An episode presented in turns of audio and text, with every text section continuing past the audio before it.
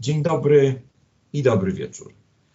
E, witam Państwa w nowej formie e, ośrodka e, spraw azjatyckich, które finansowane z Ministerstwa Edukacji i Nauki ma przybliżyć nam przez dwa lata problematykę azjatycką w formie debat azjatyckich Uniwersytetu Łódzkiego. Dzisiejszym gościem w naszym krótkim programie jest dr Michał Zaręba, adiunkt w Katedrze Studiów Azjatyckich Wydziału Studiów Międzynarodowych i Politologicznych Uniwersytetu Łódzkiego, doktor nauk politycznych, który studiował wietnamski na Uniwersytecie w Hanoi, jest pasjonatem Azji Południowo-Wschodniej, wielokrotnie tam bywał, organizował wyprawy studenckie, doktoranckie, Tajlandia, Malezja, Singapur, Indonezja, Birma, Wietnam. Prowadził RODM, organizował debaty azjatyckie, jest ekspertem w sprawach hydropolityki w regionie Azji Południowo-Wschodniej i zmian społeczno-gospodarczych w Wietnamie. Mówiłem to Dominik Mierzejewski, kierownik Ośrodka Spraw Azjatyckich. Michał, dobry wieczór i dzień dobry. Witam serdecznie.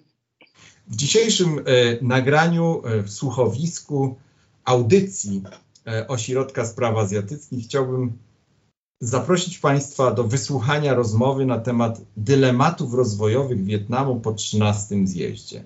Ta nasza dzisiejsza rozmowa będzie opleciona takimi pięcioma węzłowymi zagadnieniami. Michał, zacznijmy od tego, skąd się wzięła ta partia i, i gdybyś mógł krótko historię partii e, wietnamskiej przybliżyć e, naszym słuchaczom.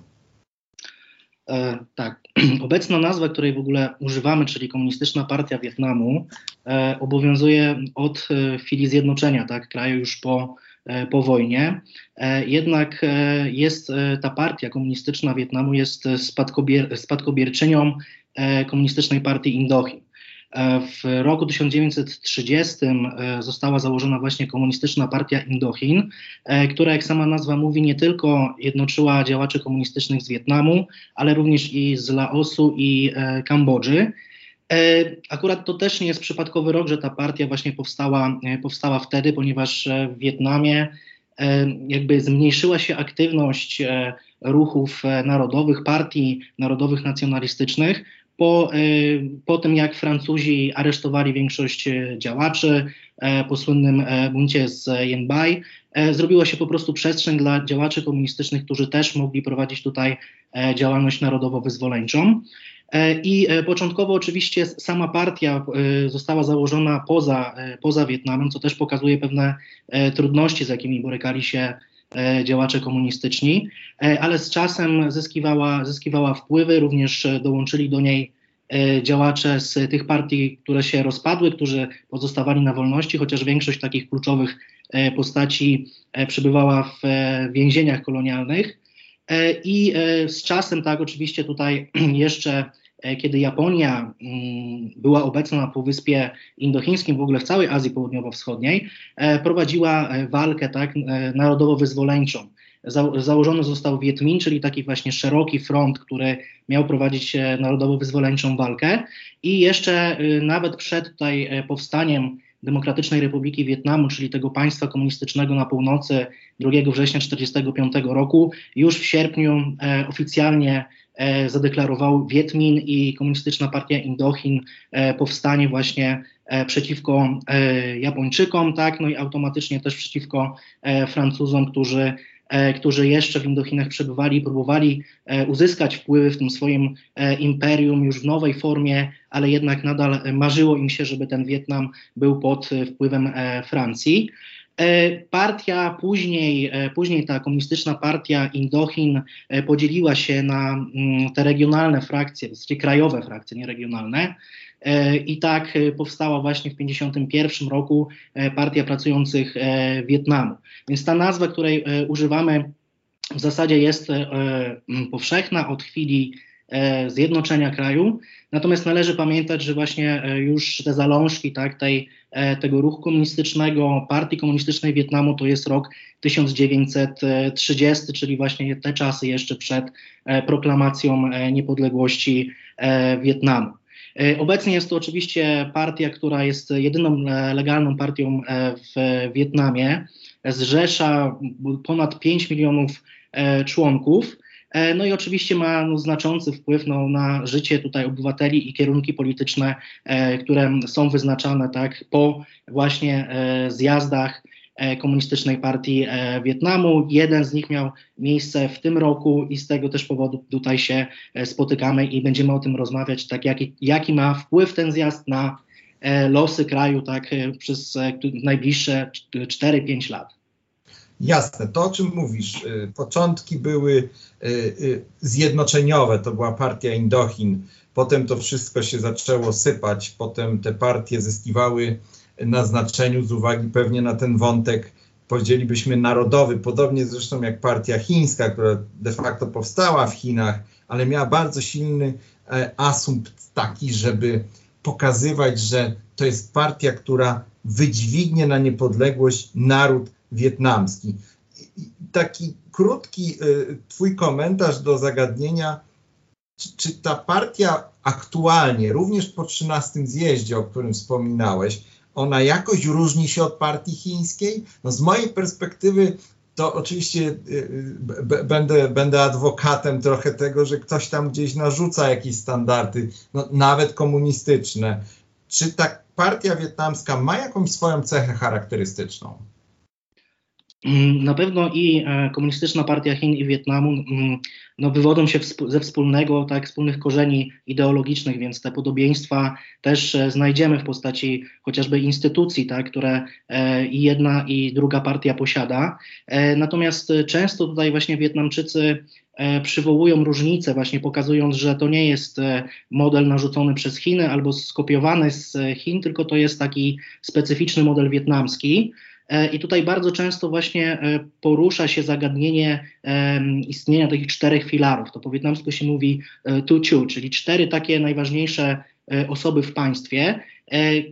A wiadomo, na przykład w Chinach i w Laosie jednak tutaj znacząca rola sekretarza, na przykład Xi Jinpinga, tak, który jednocześnie łączy E, łączy stanowisko głowy państwa. Podobnie mamy właśnie w, w Laosie. W Wietnamie właśnie tutaj Wietnamczycy szczycą się tym, że to jest ta zasadnicza różnica, która pokazuje pewien pluralizm w partii. E, I e, co tutaj można dodać, to właśnie fakt, że ostatnio toczyła się właśnie debata przed 13 zjazdem Komunistycznej Partii Wietnamu, czy podążać tym modelem laotańskim i chińskim, czy też nie. E, zaistniała taka sytuacja w poprzedniej kadencji, gdzie e, e, prezydent ówczesny Chiang Dai-quang zmarł w 2018 roku. No, miał problemy zdrowotne i złożyło się tak, że po prostu nie udało mu się skończyć jego kadencji jako prezydenta Wietnam, Wietnamu. No i powstała taka debata, czy właśnie wybierać kogoś nowego, e, czy też rolę prezydenta przejmie e, Nguyen Phu Chiong, który również był sekretarzem, nadal jest zresztą sekretarzem e, generalnym Komunistycznej Partii Wietnamu, ale na razie, jak się okazało, właśnie po 13 zjeździe ta zasada czterech filarów została zachowana.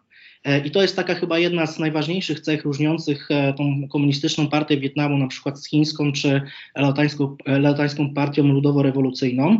E, co więcej, jeszcze bym dodał, że e, w chińskich strukturach tak, tutaj e, istnieje stały komitet, tak, tutaj biura politycznego, czyli to ciało złożone z siedmiu osób, które tutaj często właśnie w takim dyskursie określa się mianem tego zbiorowego cesarza, natomiast w Wietnamie takiego organizmu ciała nie ma. Także mamy właśnie e, to najwyższe przywództwo, e, Landao Chuciot, tak się określa właśnie te cztery stanowiska i to jest właśnie sekretarz generalny, prezydent, premier i przewodniczący, przewodnicząca, bo ostatnio też była kobieta na tym stanowisku Zgromadzenia Narodowego Wietnamu. I właśnie ta zasada czterech filarów, E, ma na celu właśnie balansowanie różnych e, interesów e, frakcji w partii wietnamskiej. Tych frakcji, frakcji można wyróżnić naprawdę wiele z perspektywy prowadzenia polityki zagranicznej, czyli taką frakcję prochińską, proamerykańską, proaseańską nawet, e, czyli takiej integracji właśnie tutaj z regionem Azji Południowo-Wschodniej, e, czy również ze względu na e, szybkość przeprowadzenia zmian w gospodarce Wietnamu, czy wcześniej też mieliśmy różnego rodzaju właśnie frakcje, które odnosiły się do pewnych, pewnych zmian samego systemu. Jeszcze mówię tutaj o latach 80. i tych słynnych reformach Doi Moi, które otworzyły Wietnam e, na świat. E, jedna rzecz to właśnie równoważenie e, frakcji, no, mówię tutaj z perspektywy polityki zagranicznej, gospodarki i różnych innych zmian, które w partii zachodzą, ale też ta zasada czterech filarów ma równoważyć wpływy regionów. Tak? I tutaj właśnie zazwyczaj jest tak, że jeśli sekretarz generalny jest z północy, a, stał, a zwyczaj jest tak, że właśnie to e, polityk, który pochodzi z północy, zajmuje stanowisko sekretarza generalnego, to właśnie dla równowagi ktoś e, z południa musi przejąć na przykład te, e, tekę premiera Wietnamu. Tak? I bardzo często w historii się tak zdarzało, chociaż po 12 e, zjeździe premierem został Nguyen Xuan Phuc, który był z centralnego Wietnamu, tam rozpoczynał swoją działalność, stamtąd pochodził. Natomiast generalnie właśnie chodziło o to, żeby równoważyć te również frakcje regionalne. I pani Ngan, która była właśnie przewodniczącą Zgromadzenia Narodowego, pochodziła chociażby z południa Wietnamu, co pokazuje, że właśnie tej zasady Wietnamu Wietnamczycy się e, trzymają. E, po tym zjeździe też taka jedna charakterystyczna rzecz nastąpiła, e, o której warto wspomnieć, mianowicie przyjęto zasadę, że sekretarz generalny może być sprawować funkcję tylko dwie kadencje. Te, tę zasadę złamano w tym, w tym roku, albo inaczej nie złamano, ale poczyniono pewne wyjątki ustępstwa, ponieważ został Nguyen Phu wybrany po raz trzeci na sekretarza generalnego e, partii. E, I w zasadzie można powiedzieć, że jest to efekt braku kompromisu tutaj wśród elit politycznych Wietnamu, wśród członków komunistycznej partii, partii Wietnamu, i bo ponieważ właśnie on lansował swojego kandydata, Chiang Kuok-Wunga, który był prawą ręką jego, natomiast, co, natomiast brak kompromisu i nadal E, właśnie e, dzierżenie tego stanowiska przez e, pana Ciąga pokazuje, że po prostu tego kompromisu nie, nie osiągnięto. Także to był też duży, duże wydarzenie, czyli trzeciej, trzecia kadencja sekretarza generalnego Ciąga po 13 zjeździe. Jasne, to o czym mówisz, znaczy bardzo jest to ciekawe, bo to pokazuje pewne niuanse władzy w Wietnamie, które wydaje się, przynajmniej dla mnie są dość odległe, choć Chiny blisko. Y, próbuje się Wietnam, z tego co mówisz, w mojej opinii, odciąć trochę od tych wpływów chińskich. No w końcu to strefa cyniczna, próbuje pokazać jednak swoją odmienność. Y, bardzo ciekawe to, o czym mówiłeś. Y, kadencyjność na, na początku, ale jednak gdzieś ta kadencyjność wymyka się, wymyka się z litery prawa. W Chinach jest podobnie. Michał, krótko jakbyś mógł zagaić na temat personaliów tego zjazdu. Po części już o tym mówiłeś, o, o, tym podziale na północ i południe, na to, żeby żadna z grup w partii nie uzyskała dominującej pozycji. Y, mógłbyś przedstawić te główne sylwetki premiera y, i innych polityków, którzy odpowiadają w tej chwili za przyszłość Wietnamu? No, no, tak jak wspomniałem, właśnie największy wpływ ma nadal Nguyen Chiong, który jest trzecią kadencję sekretarzem generalnym, e, ale też i e, ów, obecny prezydent, czyli Nguyen Xuan Phuc, tak, też jest znaczącą postacią w tej wietnamskiej polityce, ponieważ on pełnił wcześniej po 12 zjeździe funkcję premiera i był bardzo pozytywnie odbierany przez tutaj działaczy partyjnych, jak i społeczeństwo. Uchodził za sprawnego dyplomatę, również w okresie pandemii koronawirusa, kiedy właśnie sekretarz Ciom miał problemy ze zdrowiem, bo on też już jest leciwy, zastępował go i tutaj zyskiwał sobie właśnie e, miano e, polityka, który potrafi sobie, potrafi się odnaleźć w tak trudnych, e, tak trudnych czasach. No i zresztą zdobył doświadczenie dyplomatyczne właśnie jako szef rządu. On był też jednym z kandydatów właśnie przed 13 zjazdem na sekretarza generalnego, tylko oczywiście mówię o tych, mówiłem o tych obostrzeniach, że nie może, nie, nie było takiej sytuacji, że osoba spoza północy została wybrana na to stanowisko, więc tutaj jego szanse malały, no ale, ale jednak jego pozycja była i jest znacząca. Mm, premierem został Famin Chin, to jest osoba, która kiedyś E, była związana z Ministerstwem Bezpieczeństwa Publicznego, później, później z Wydziałem Organizacyjnym e, partii e, i on tutaj był też typowany w pewnym momencie na, na, prezydenta, na prezydenta Wietnamu. Oczywiście właśnie pierwotnie jeszcze na kilka miesięcy przed zjazdem tutaj dyskutowano o tym, że będzie nowy sekretarz generalny. Nie zakładano takiej sytuacji, dopiero później trochę wyciekały informacje i okazało się, że mieliśmy tą trzecią kadencję sekretarza, ale on też tutaj był typowany na, e, na, na prezydenta w pewnym, e, w pewnym momencie. Ostatecznie e, został szefem wietnamskiego rządu. I czwarta osoba z tego właśnie, z, tego czterofilarowego przywództwa Wietnamu to jest Wung Dinh Hue, który został przewodniczącym Zgromadzenia Narodowego. On z kolei właśnie ma, miał doświadczenie jako wicepremier, również jako minister finansów i zazwyczaj osoba, która ma takie kwalifikacje, czyli jest e, wiceszefem rządu i zajmuje resorty związane z e, gospodarką, ekonomią, jest typowana na premiera, ale tutaj prawdopodobnie z racji tego, że ta funkcja przewodniczącego Zgromadzenia Narodowego jest niższa w hierarchii e, partyjnej, a jego pozycja była słabsza niż premiera No to został właśnie przewodniczącym Zgromadzenia Narodowego. Jak w, tutaj w, po tym 13 zjeździe okazało się, że nie ma nikogo z południa w tej w tym najwyższym przywództwie, ale warto wspomnieć, że właśnie piątą osobą w państwie jest e, stały sekretarz, tak, czy ten sekretarz e, wykonawczy z wietnamskiego, to bardziej byśmy tłumaczyli jako stały sekretarz, e, który jest teoretycznie prawą ręką sekretarza generalnego, jak wspomniany wcześniej Chiang Kok-wung, który był faworytem Nguyen Chonga do objęcia, do objęcia schedy po nim, ale właśnie tutaj, żeby nie, nie narazić się tutaj członkom partii z e, południa. Jako e, właśnie piątą osobę w państwie wybrano Wowan Tunga, który jest chyba najmłodszą osobą w ogóle w biurze politycznym. Także też w jakiś sposób starano się docenić, nawet mimo tego, że no, zdarzyło się tak, że nie ma nikogo z południa, to jednak już ta piąta osoba w hierarchii no, pochodzi tak z południa Wietnamu, aby tutaj pogodzić te E, te frakcje regionalne. Tak? I co jeszcze jedną taką ważną e, rzecz e, warto dodać, jest zasadnicze pytanie, czy właśnie pojawiało się ono jeszcze przed zjazdem, czy już E, po zjeździe, e, czy Nguyen Phu na przykład nie zrezygnuje w trakcie swojej e, trzeciej kadencji. Na, na razie się na to nie zanosi, no ale przyszłość, przyszłość pokaże, być może tutaj będzie konsensus w partii, będą jakieś zmiany, ale tak jak mówię, na razie jesteśmy no niecały rok po zjeździe, więc, więc dopiero, dopiero w najbliższej przyszłości będziemy mogli coś więcej o tym powiedzieć.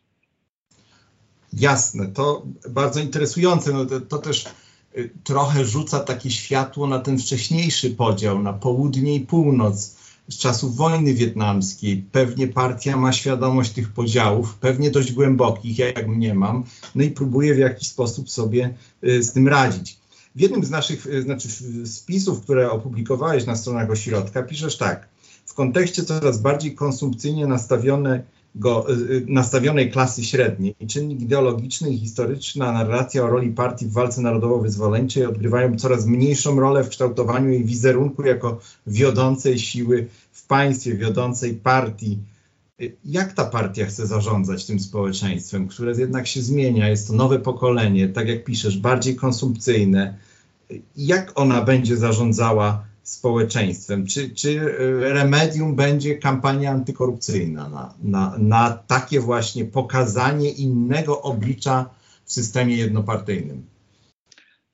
Myślę, że kampania antykorupcyjna nie będzie takim remedium, e, z tego względu, że e, wszyscy, społeczeństwo wietnamskie zdaje sobie sprawę, że jest, są to po prostu porachunki e, na szczytach partyjnych i tak to niestety e, wygląda. Tutaj właśnie Nguyen Phu Chiong, który jest autorem tej kampanii antykorupcyjnej, mm, ostatnie, ostatnie lata jego działalności pokazują, że uderzał on głównie w swoich wrogów politycznych. Przede wszystkim w Nguyen Tan Zunga, który był premierem Wietnamu i w pewnym momencie również kandydatem na sekretarza generalnego, jego takim no, najpoważniejszym konkurentem politycznym. I w zasadzie ta kampania antykorupcyjna, która miała też taki ostry wydźwięk, bo ona się odbywała pod hasłem, pod hasłem e, dotlo, czyli właśnie takiego e, rozżarzonego pieca, spalania, e, spala, wypalania pieca, czyli taki, taki dyskurs był przyjęty dosyć, dosyć ostry.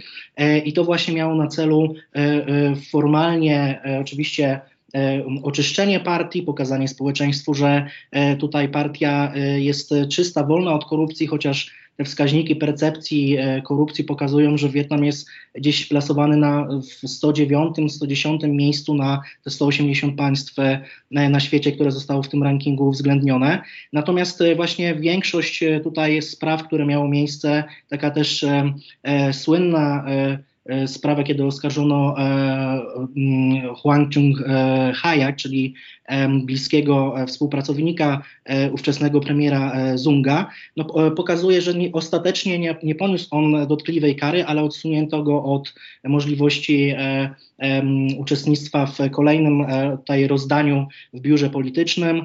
Również odsunięto go od stanowiska szefa partii w, w Hanoi, więc tutaj ta korupcja, która, ta walka z korupcją, która formalnie została zapoczątkowana w 2013 roku, kiedy to powołano taki komitet centralny sterujący, centralny komitet sterujący do spraw zwalczania e, korupcji, e, no jest po prostu, wydaje się być rozgrywką e, wewnątrz, e, wewnątrzpartyjną. Oczywiście zapewne, zapewne inni e, spoza, e, spoza tutaj szeregów partii też poniosą, poniosą karę jeszcze, jeśli takie dowody, dowody będą, ale właśnie ilekroć słyszę o tym i rozmawiałem z Wietnamczykami, czytam różnego rodzaju opinie, artykuły na ten temat, to nikt nie wierzy, że e, oczyści to e, szeregi, e, oczyści to szeregi partyjne od korupcji. Tak? Czyli bardziej byśmy tutaj powiedzieli, że te wszystkie działania antykorupcyjne to jest jednak rywalizacja wewnątrz, wewnątrzpartyjna i bardzo często się podkreśla, że właśnie uderza, uderza ona personalnie w poszczególne osoby, a nie likwiduje naturę korupcji, co oczywiście no, potwierdza, potwierdzać może to, co już wcześniej E, powiedziałem. E, jeśli tutaj, jeśli, jeśli chodzi o to zarządzanie społeczeństwem, jak tutaj władza w, wietnamska e, może zmienić podejście do, no, powiedzmy już zmieniającego się, zmieniającego się społeczeństwa Wietnamu, bo mówimy o tym, że faktycznie jest coraz bardziej rosnąca klasa, klasa średnia. Oczywiście tutaj przede wszystkim te nowe założenia, które zostały przedstawione przez partię, dotyczą e, dotyczą e, Mm, stworzenia społeczeństwa do na przykład 2030 roku, czyli to jest ta symboliczna data na, na stulecie e, powstania komunistycznej partii Indochin, e, kraju z nowoczesnym przemysłem, e, z dochodami powyżej średniej światowej i do 2045 roku kraju o wysokich dochodach też na tutaj stulecie istnienia, stulecie tutaj deklaracji niepodległości demokratycznej Republiki Wietnamu. A kończąc już, samo społeczeństwo wietnamskie zdaje sobie sprawę, że slogany i hasła hasła to jedno, oczywiście tutaj e, one są wszechobecne w Wietnamie, w przestrzeni publicznej e, e, tego kraju. Natomiast no, Wietnamczycy sobie zdają sprawę, że hasła, ideologia, tutaj działania partii to jedno, a rzeczywistość drugie i teraz no, powiedziałbym, że po prostu e, ten dobrobyt, kiedy już Wietnam się wybił z tej e, biedy, bo tutaj w latach 90. E, szacowało się, że nawet 60, około 60% ludzi żyje poniżej granicy ubóstwa. Teraz wszyscy, którzy już z tej biedy tak wyszli, Wietnamczycy, no, marzą o tym, żeby swój stan posiadania poprawić, żeby poprawił się zdecydowanie poziom życia i właśnie partia też w swoich deklaracjach coraz częściej właśnie odwołuje się do tych, do tych elementów. Jasne, no to, to bardzo interesujące. Znaczy, jak patrzę na, na, na to i słyszę to, co mówisz, to, to naturalnie gdzieś biegnę do, do, do Państwa na północ. Kończąc y, to nasze spotkanie dzisiaj, chciałbym Cię zapytać o kwestie związane z polityką zagraniczną Wietnamu. Y, Wietnam to państwo średniej wielkości ma potencjał do tego, żeby gdzieś odgrywać ważną rolę w relacjach dużych mocarstw, Chiny, Stany Zjednoczone, również Federacja Rosyjska, która przecież tradycyjnie jest partnerem Wietnamu w kwestiach choćby wojskowych. Jak Wietnamczycy, jak liderzy Wietnamu patrzą na całą tą sytuację, na całe to spektrum, jak widzą Wietnam w, tym, w tej układance, w tych puzzlach wielkich podmiotów na arenie międzynarodowej?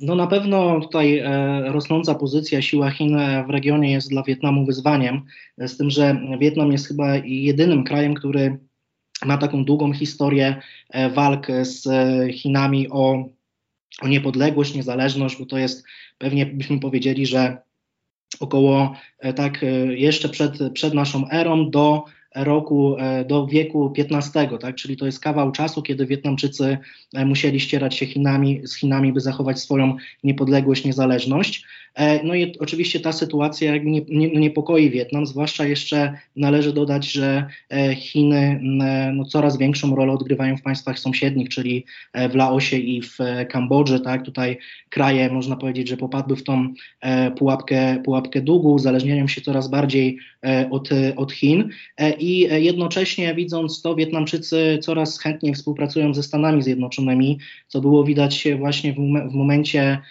chyba zwłaszcza e, tego, tak tutaj tej drugiej kadencji Obamy, E, kiedy to właśnie w 2016 roku mieliśmy zniesienie embargo e, na broń, tak tutaj w, w kontaktach wietnamsko-amerykańskich, czy częste wizyty sekretarzy stanu. Również tutaj tę politykę, tę politykę kontynuował Donald Trump i można odnieść takie wrażenie, że właśnie Wietnamczycy no, zacieśniają te relacje ze Stanami Zjednoczonymi. Oczywiście tutaj klucz całej, sytua- całej sytuacji jest to, że muszą to, muszą to robić bardzo mądrze i balansować te e, wpływy amerykańskie i chińskie. Zresztą tutaj mm, e, też e, taka zasada, jedna z czterech takich głównych zasad polityki zagranicznej Wietnamu, która została stworzona, wykreowała się po tych reformach Dojmoj z 1986 roku, czy nawet troszeczkę później zostały to doprecyzowane, mówi o wzajemnej współpracy i rywalizacji, czyli to, że na przykład mamy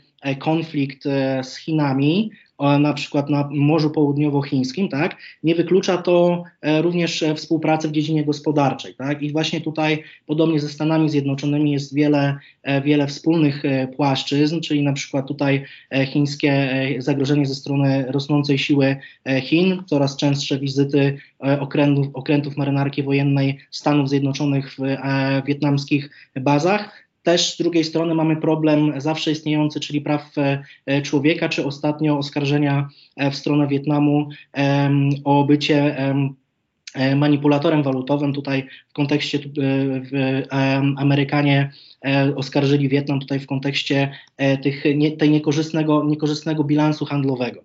Ale mimo wszystko właśnie widać rosnące rosnące e, zainteresowanie wzajemne tak, e, Wietnamu i Stanów Zjednoczonych, ale też i e, Wietnamczycy zdają sobie sprawę, że muszą też zachowywać na odpowiednim poziomie tak relacje z Chinami. I tutaj ciekawa rzecz też była podkreślona po tym 13 zjeździe, jeśli chodzi o politykę zagraniczną.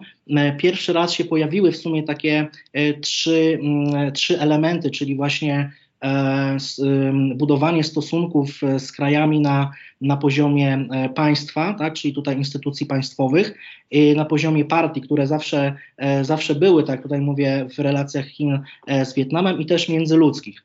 Chodzi, chodzi o to, że pierwszy raz właśnie tak podkreślono właśnie znaczenie tego, tych, tych powiedzmy trzech filarów, jeśli chodzi o kontakty między, między Wietnamem a innymi, innymi państwami. I być może tutaj właśnie Wietnam poszukuje jakichś pozytywów, jeśli chodzi o relacje e, z, z Pekinem, właśnie w kontekście, w kontekście jakiejś współpracy, wizyt e, dygnitarzy, e, dygnitarzy partyjnych. Ale z pewnością tutaj rosnące, rosnąca rola Chin w regionie Azji Południowo-Wschodniej jest dla Wietnamu zagrożeniem. Tutaj mówimy, możemy jeszcze powiedzieć o tych bazach w Kambodży, czyli e, bazie RIM i teraz Akor, kiedy, gdzie to właśnie e, Chińczycy być może będą mieli, oczywiście to są spekulacje, ale jeśli by mieli dostęp do e, tych baz w Kambodży, czy bazy i lotniska, no to jest to znacznie groźniejsze dla Wietnamu niż na przykład budowanie sztucznych wysp na Morzu, Południowo, na Morzu Południowochińskim, bo daje właśnie marynarce chińskiej bardzo duże możliwości operowania na Morzu Południowochińskim. Także na pewno e, wydaje mi się, że możemy obserwować e, rosnące, e, polepszające się relacje wietnamsko-amerykańskie, ale jednocześnie Wietnamczycy wiedzą też o tym, że no nie można, trzeba jakoś współpracować z Chinami i nie można właśnie tak aż bardzo przejść na, powiedzmy mówiąc kolokwialnie, na stronę Amerykanów. Musi to być balansowane i ta zasada współpracy i rywalizacji nadal jest bardzo często podkreślana i jako jedna z tych głównych, główne z, jedno z głównych założeń polityki zagranicznej e, Wietnamu. To bardzo ciekawe to, co mówisz. Ja przypominam sobie taki wykład byłego ambasadora Wietnamu w Pekinie, który na początku wojny handlowej w kantonie oferował, że Wietnam będzie pośrednikiem, jeśli Amerykanie nakładają jakieś sankcje, nakładają dodatkowe cła, to Wietnam zaprasza chińskich inwestorów, którzy relokowaliby produkcję. E, Wietnam chętnie by pośredniczył i zarabiał na tym i stąd to, o czym mówisz, współpraca, jednocześnie rywalizacja, strasznie pewnie trudne do pogodzenia. Michał, bardzo Ci dziękuję, to było naprawdę fantastyczne ponad pół godziny, bardzo dużo informacji, bardzo dużo ciekawych spostrzeżeń e, i myślę, że temat indochiński będziemy w następnych audycjach rozwijać. Bardzo Ci dziękuję i dziękuję Państwu. Bardzo dziękuję.